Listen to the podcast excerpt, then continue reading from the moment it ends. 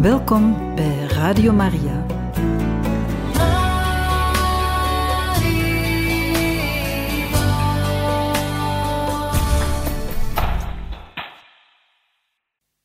Van harte welkom, beste luisteraars van Radio Maria, bij het programma Catechismus. Vandaag kunnen wij luisteren naar een catechese over Onze Lieve Vrouw van Fatima. Deze wordt ons gegeven door Pater Jan Meus. We laten hem graag aan het woord.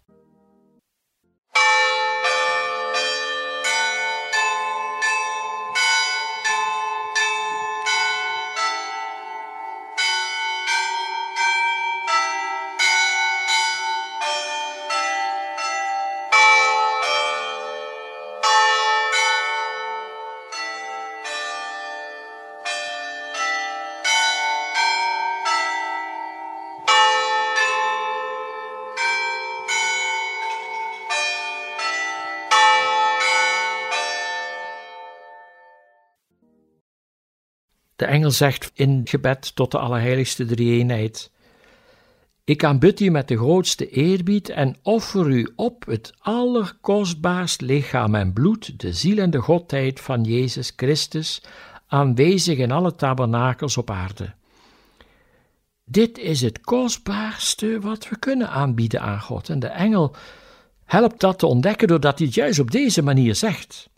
Hij biedt de goddelijke drie-eenheid, allerkostbaarste lichaam en bloed, de ziel en de godheid van Jezus Christus aan, aanwezig in alle tabernakels op aarde.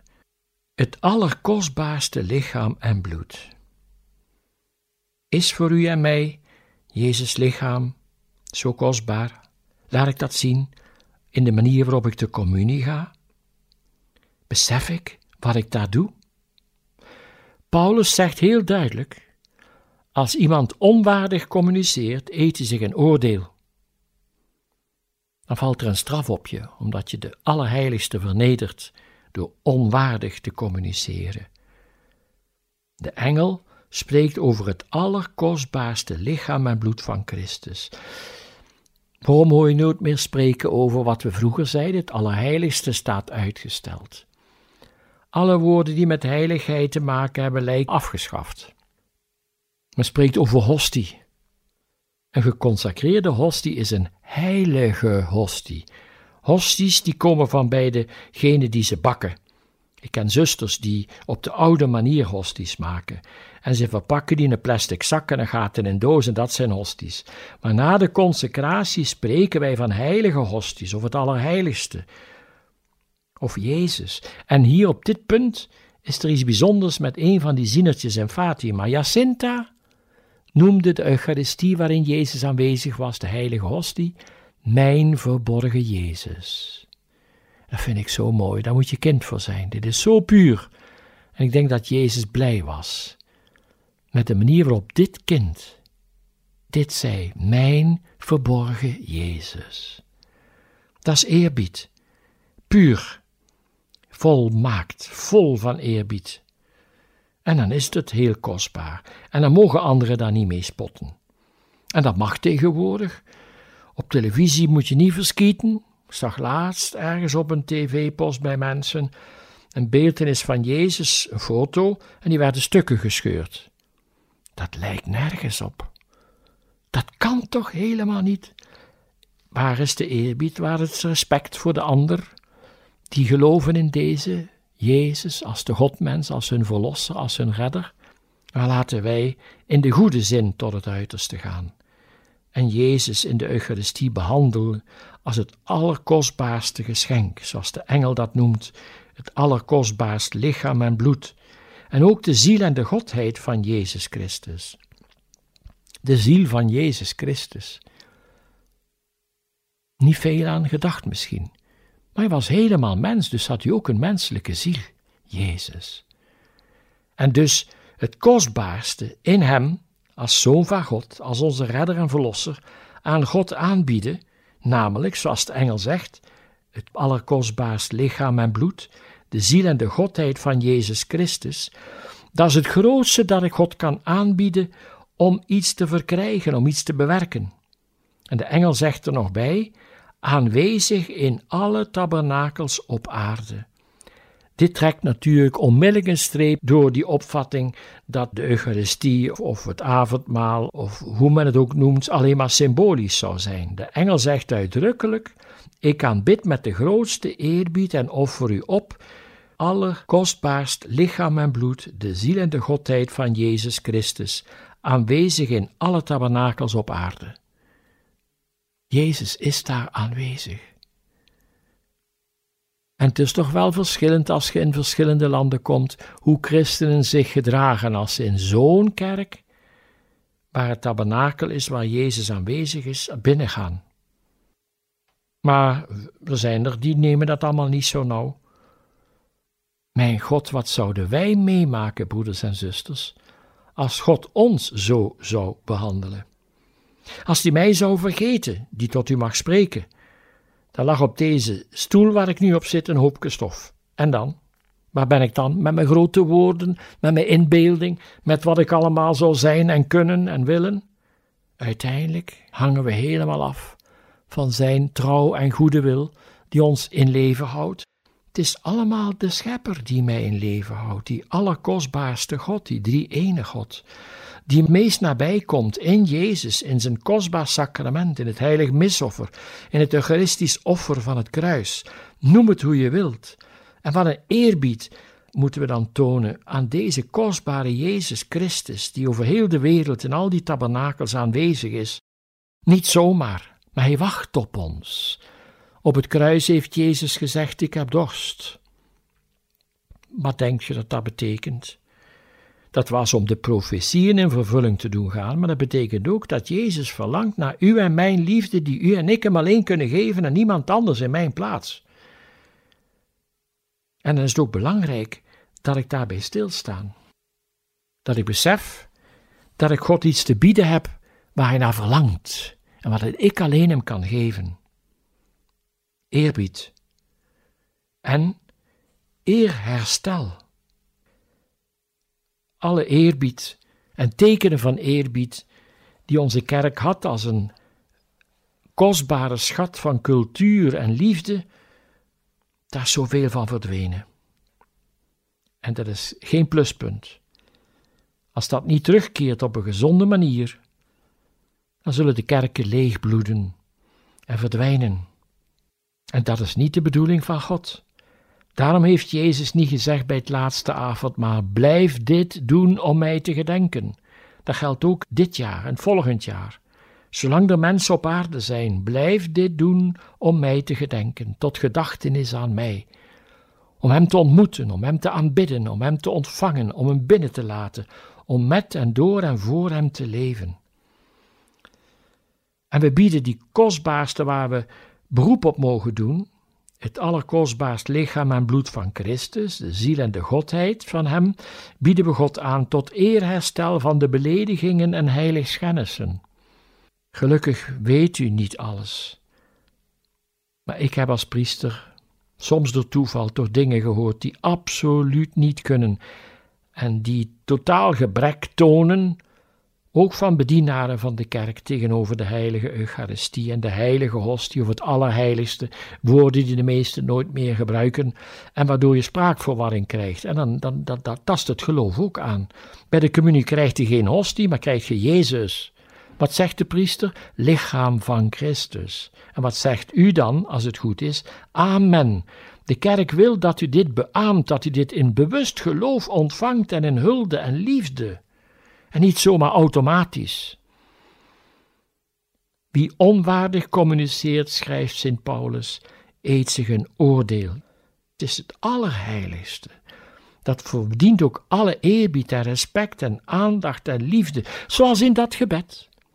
Mijn God, ik geloof in u, ik aanbid u, ik hoop op u, ik bemin u. Gaan wij zo te communie? Staan wij toe dat er heiligschennissen gebeuren? Dat men beeltenissen van Jezus beklad en bespottelijk maakt, ook van onze lieve vrouw. Onverschilligheid is ook zonde, hè? Er niet bij stilstaan dat Jezus aanwezig is in een kerk, in een tabernakel, is ook zonde. Dat het u niks doet, dat we lauw worden, dat we middelmatig worden, dat alles een, een, een, alleen maar een gewoonte is, automatisch zonder nadenken, dus ook zonder liefde, zonder overgave, zonder aandachtige toewijding vanuit ons hart en onze ziel. Onverschilligheid is vreselijk. Hebt u dat al meegemaakt? Dat die van mensen iets gedaan wil krijgen en ze blijven onverschillig? Het maakt voor hun geen verschil of ze het wel of niet doen. Dat is een ramp. Hè? En in de kerk vinden we dat ook terug, hier en daar. En daarvoor bidden. En het kostbaarste offeren waar we beroep op kunnen doen. Het lichaam en bloed, de ziel en de godheid van Jezus Christus, die in alle tabernakels over heel de wereld aanwezig is. Om God te troosten, zoals de engel vraagt en ook onze lieve vrouw in Fatima. Hij krijgt zo weinig liefde, lang niet van alle gedoopten, zelfs niet van alle katholieke gedoopten. Bid daarvoor, offeren we daarvoor. Dat is de oproep van Fatima. Wees baarmachtig en doe wat je kunt. Laten wij doen wat we kunnen voor de bekering van de arme zondaars. Want onze vrouw heeft laten zien hoeveel mensen naar de hel gaan in een visioen 13 juli. Daar komen we nog een andere keer op terug. Onze vrouw heeft gezegd wat er gebeurt als men zich niet zou bekeren en de Tweede Wereld aangekondigd en de rampen die het communisme over de hele wereld zouden veroorzaken. En we zitten er middenin. Kunnen we het niet zien? Willen we het niet zien? Zijn we zelf ziek of blind? Wat is het?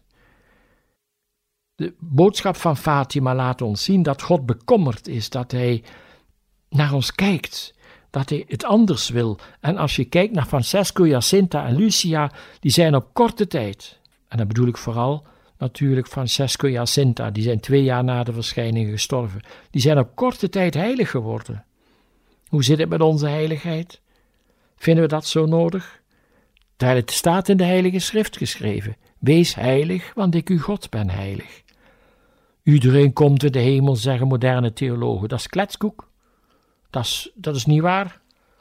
Jezus zegt dat velen niet in de hemel geraken. Als hij zegt: span u in tot het uiterste om door de smalle poort binnen te gaan, want velen proberen het, maar slagen er niet in. We vinden dat terug in het Evangelie van Sint Lucas en bij Matthäus. Span u tot het uiterste in. Nou, dat moet dan toch wel heel belangrijk zijn. En Jezus die zelfs zijn leven geeft, die onze grootste donor is, om het eens anders te zeggen. Kun u dan zomaar dit naast u neerleggen? Het gebed van de engel laat zien dat we in ons geloof als gedoopten met het allerkostbaarste mogen omgaan wat er is. Want hij spreekt van het allerkostbaarste lichaam en bloed, de ziel en de godheid van Jezus Christus. En die we dagelijks kunnen ontmoeten. In sacramenten, in gebed, in de rozenkrans, in de kruisweg, als we op bedevaart gaan, als we een kerk binnengaan om daar stil bij Jezus te bidden. Het allerkostbaarste is hij kostbaarder dan alle mensen en alle dingen en wat wordt er opzij gezet voor God? Fatima laat duidelijk zien dat God bezig is met mensen, maar alleen als ze reageren en openstaan en zijn boodschap ontvangen, zal er een ommekeer komen en anders wordt het catastrofe. De Tweede Wereldoorlog, de ellende die het communisme veroorzaakt heeft in zoveel landen en nog veroorzaakt. En willen we dat dan niet zien? Dat dat een gevolg is van het niet willen luisteren naar de oproep van Maria en Fatima, terwijl Portugal, waarvan de bevolking wel heeft geluisterd en zich bekeerd, geen Tweede Wereldoorlog heeft meegemaakt. Willen we dat weten? Willen we daar rekening mee houden? Laten we het even vasthouden in ons hart.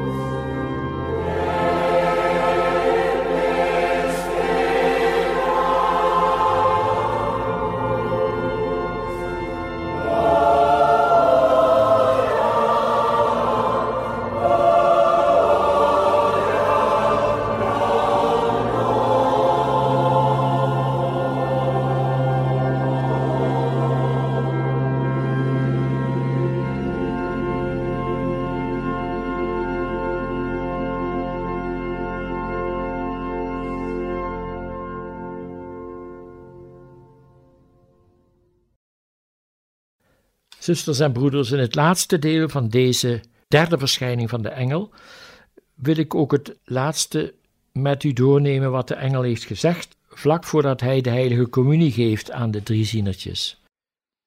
Door de oneindige verdiensten van Jezus Allerheiligst Hart en van het omvlekt hart van Maria bid ik u om de bekering van de arme zondaars. Bidden, dat doen we wel eens, maar bidden met een beroep op de verdiensten van het Allerheiligst Hart van Jezus en het omvlekt hart van Maria, dat is heel iets anders. Dan beroep ik mij op iets wat God verblijdt, wat God verheugt, waar Hij zo dankbaar om is. En het geeft een extra kracht aan wat ik dan afsmeek, namelijk de bekering van de arme zondaars, omwille van de oneindige verdiensten van het Allerheiligst Hart en het onbevlekt hart van Maria. We hebben het er al over gehad hoe die twee heilige harten met elkaar verbonden zijn en allebei verheerlijkt zijn door de hemelvaart van Jezus en de ten hemelopneming van Maria met ziel en lichaam, dus ook met haar onbevlekt hart. Beroep toen op de verdiensten van het heilige hart van Jezus en het onbevlekt hart van Maria, geeft extra kracht aan gebed, aan een bede. Als we dat tenminste ook met ons hart doen en niet zomaar als een formuletje gebruiken. Het is geen tovenarij, hè? Het is niet van als je die woorden gebruikt dan, of als je dat doet dan. Nee, het is met overtuiging, met de gloed van ons wezen dat we beroep doen. En dan verenigen we ons bijna, of in zekere zin echt, met die beide heilige harten van Jezus en Maria. Na dit gebed dat de engel drie keer zegt en de kinderen herhalen, richt hij zich op, hij pakt de kelk en de heilige hostie die erover zweeft en laat de kinderen communiceren. Lucia had de eerste heilige communie gedaan en die ontvangt dan de heilige hostie van deze engel. En Francesco en Jacinta hadden nog niet de heilige communie gedaan en die mogen uit de kelk drinken. En terwijl de engel de heilige communie schenkt aan deze drie, zegt hij: Neemt en drinkt het lichaam en bloed van Jezus Christus, vreselijk beledigd door de ondankbare mensen. Breng eerherstel voor hun misdaden en troost jullie God. Terwijl ze te communie gaan, breng eerherstel. Je kunt dus zo te communie gaan dat je God beledigt, door totaal gebrek aan geloof, aan aandacht, aan eerbied. Maar je kunt ook zo te communie gaan dat je God troost en eerherstel brengt voor de misdaden van mensen die spotten en, en God vernederen door hun leefwijze, door hun omgang met de Eucharistie, door hun omgang met de kerk, door hun omgang met Jezus Christus en onze lieve vrouwen. Ga maar door. Het maakt heel wat uit hoe mensen leven, welke plaats God in hun hart en hun dagelijks leven inneemt. De wijze van communiceren waarop u en ik te communie gaan, met liefde, met aandacht, met een echt dankgebed ook, kan eerherstel brengen voor de misdaden van mensen die bijvoorbeeld bij een begrafenis of een gelegenheid te communie gaan terwijl ze nooit te communie gaan en geen jaren meer gebiecht hebben. Dat is een belediging van Jezus. Wat ziet Jezus als hij dan binnenkomt in zo iemand? Wat ziet hij in ons? Zijn wij zuiver van hart, nederig van hart, ontvankelijk genoeg dat Jezus in ons hart kan uitrusten en zich thuis voelen? Is dat zo? Broeders en zusters, denk daar eens over. Hoe ga ik de communie? En ga ik voldoende keren de communie? De kerkelijke wet zegt dat je paascommunie moet doen. Maar het is wel het minimum van het minimum van het minimum. Als Jezus zegt: Wie mij eet, heeft eeuwig leven, is er wel een beetje meer nodig dan dat. Jezus geeft zich bij het laatste avondmaal te eten en te drinken met zijn heilig lichaam en bloed aan de apostelen. En hij zegt: Blijf dit doen. En dat bedoelt niet één keer per jaar. Blijf dit doen tot mijn gedachtenis. Ik denk dat Jezus daar iets heel anders mee bedoelt en dat u wel begrijpt wat ik bedoel. Iets bijzonders wat de engel leert is dat we ook Jezus troosten voor wat hij van de anderen niet krijgt aan liefde, eerbied en aandacht. En hebt u het geluk, broeders en zusters, dat u met gans uw hart van Jezus houdt, dat u helemaal in hem gelooft, dat je thuis zijt bij hem en hij thuis is bij u. Troost hem zoveel je kunt. Door uw gebed, door de offertjes die je brengt, door uw lijden te verenigen met Jezus lijden. En breng eerherstel. Dat was in de oude tijd ook. Als een koning beledigd was door iemand, dan kreeg hij een straf waardoor hij het goed moest maken. Er is een protocol om een koning te kunnen ontmoeten. Eigenlijk is er ook een protocol, geestelijk gezien, om God te kunnen ontmoeten. God is geen kwajongen. God is de Allerhoogste. Als we hem zouden zien, zouden we sterven door zijn schoonheid, door zijn aantrekkingskracht, door zijn liefdevolheid, door zijn stralende goddelijke luister. En ga maar door, we hebben er geen woorden voor. En door Fatima wakker geschud, door de wijze waarop de engel spreekt en zich gedraagt met het Allerheiligste, moet het toch mogelijk zijn om dankbaar te zijn voor de rijkdom van ons geloof. Om dankbaar te zijn voor wat in ons hart leeft. Om ook de eerbied aan God te schenken waar Hij recht op heeft. Zusters en broeders, de engel spreekt in zijn gebeden met zulke wonderlijke woorden dat je in die woorden ook de volheid van ons geloof terugvindt. We zitten in een tijd dat heel wat mensen de moderne toer opgaan en zichzelf een geloof hebben gemaakt dat aangenaam is en leuk en plezant en dit en dat, maar dat verenigt ons niet met God als een eigen bedenksel. Het geloof en het leven waarvoor Jezus in de wereld is gekomen, daar staat het kruis in. De engel vraagt ook aan de kinderen: willen jullie het lijden dragen dat de Heer jullie zal sturen? En ook onze lieve vrouw zal dat nog een keer vragen. Er is altijd lijden in dit leven. En het maakt zo'n groot verschil hoe we met dit lijden omgaan. Of we de kracht, de bemoediging, de energie weten te vinden in degene die ons tot de dood heeft bemind in Jezus. En je zou kunnen zeggen: hoe intiemer onze band met Jezus, hoe sterker de kracht om het lijden te kunnen. Hoe vindingrijker we worden om het lijden om te gaan. Hoe vindingrijker we worden om te bidden en te offeren voor de zondaars, voor degenen die van een geloof zijn afgevallen, voor degenen die een vertekend geloof leven, of hoe je het ook wil noemen. Werken aan onze heiliging en die van onze broeders en zusters. Zoals dat door de engelen Fatima gevraagd wordt en ook door onze lieve vrouw zelf. God eerherstel brengen, God troosten. En ik denk dat de engel dat met zoveel liefde gezegd heeft en met zoveel licht en gloed, dat die kinderen, toen ze de uitleg gehoord hadden hoe ze dit konden doen, hè, maak van alles wat je kan een offer als acte van eerherstel voor de zonde waardoor God wordt beledigd en voor de bekering van de zondaars, dat hebben ze gedaan tot ze stierven.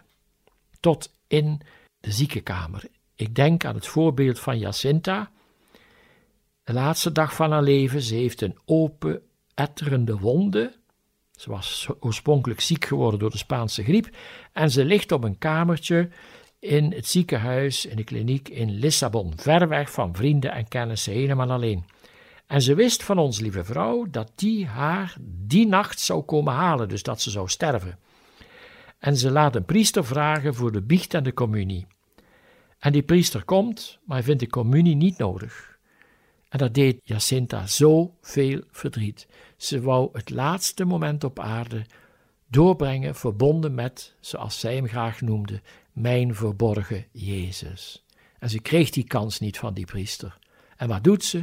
Ze offert dat op voor de bekering van de zondaars en iets wat ze ook in een visioen had gezien voor de paus, die veel te lijden zou hebben. Ze maakt van het laatste moment op aarde nog een offer. En dan komt onze lieve vrouw haar halen.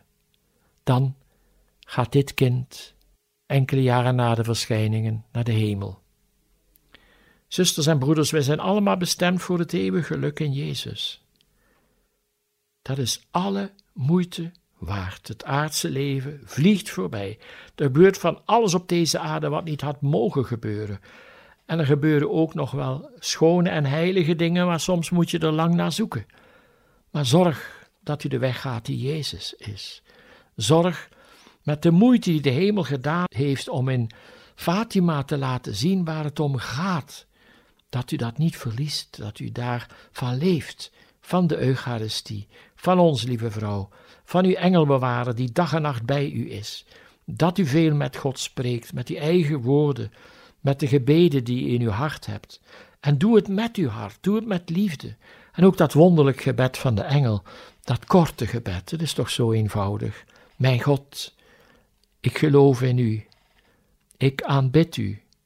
Ik hoop op u en ik bemin u. En ik vraag u vergiffenis voor allen die niet in u geloven, niet u aanbidden, niet op u hopen en u niet benennen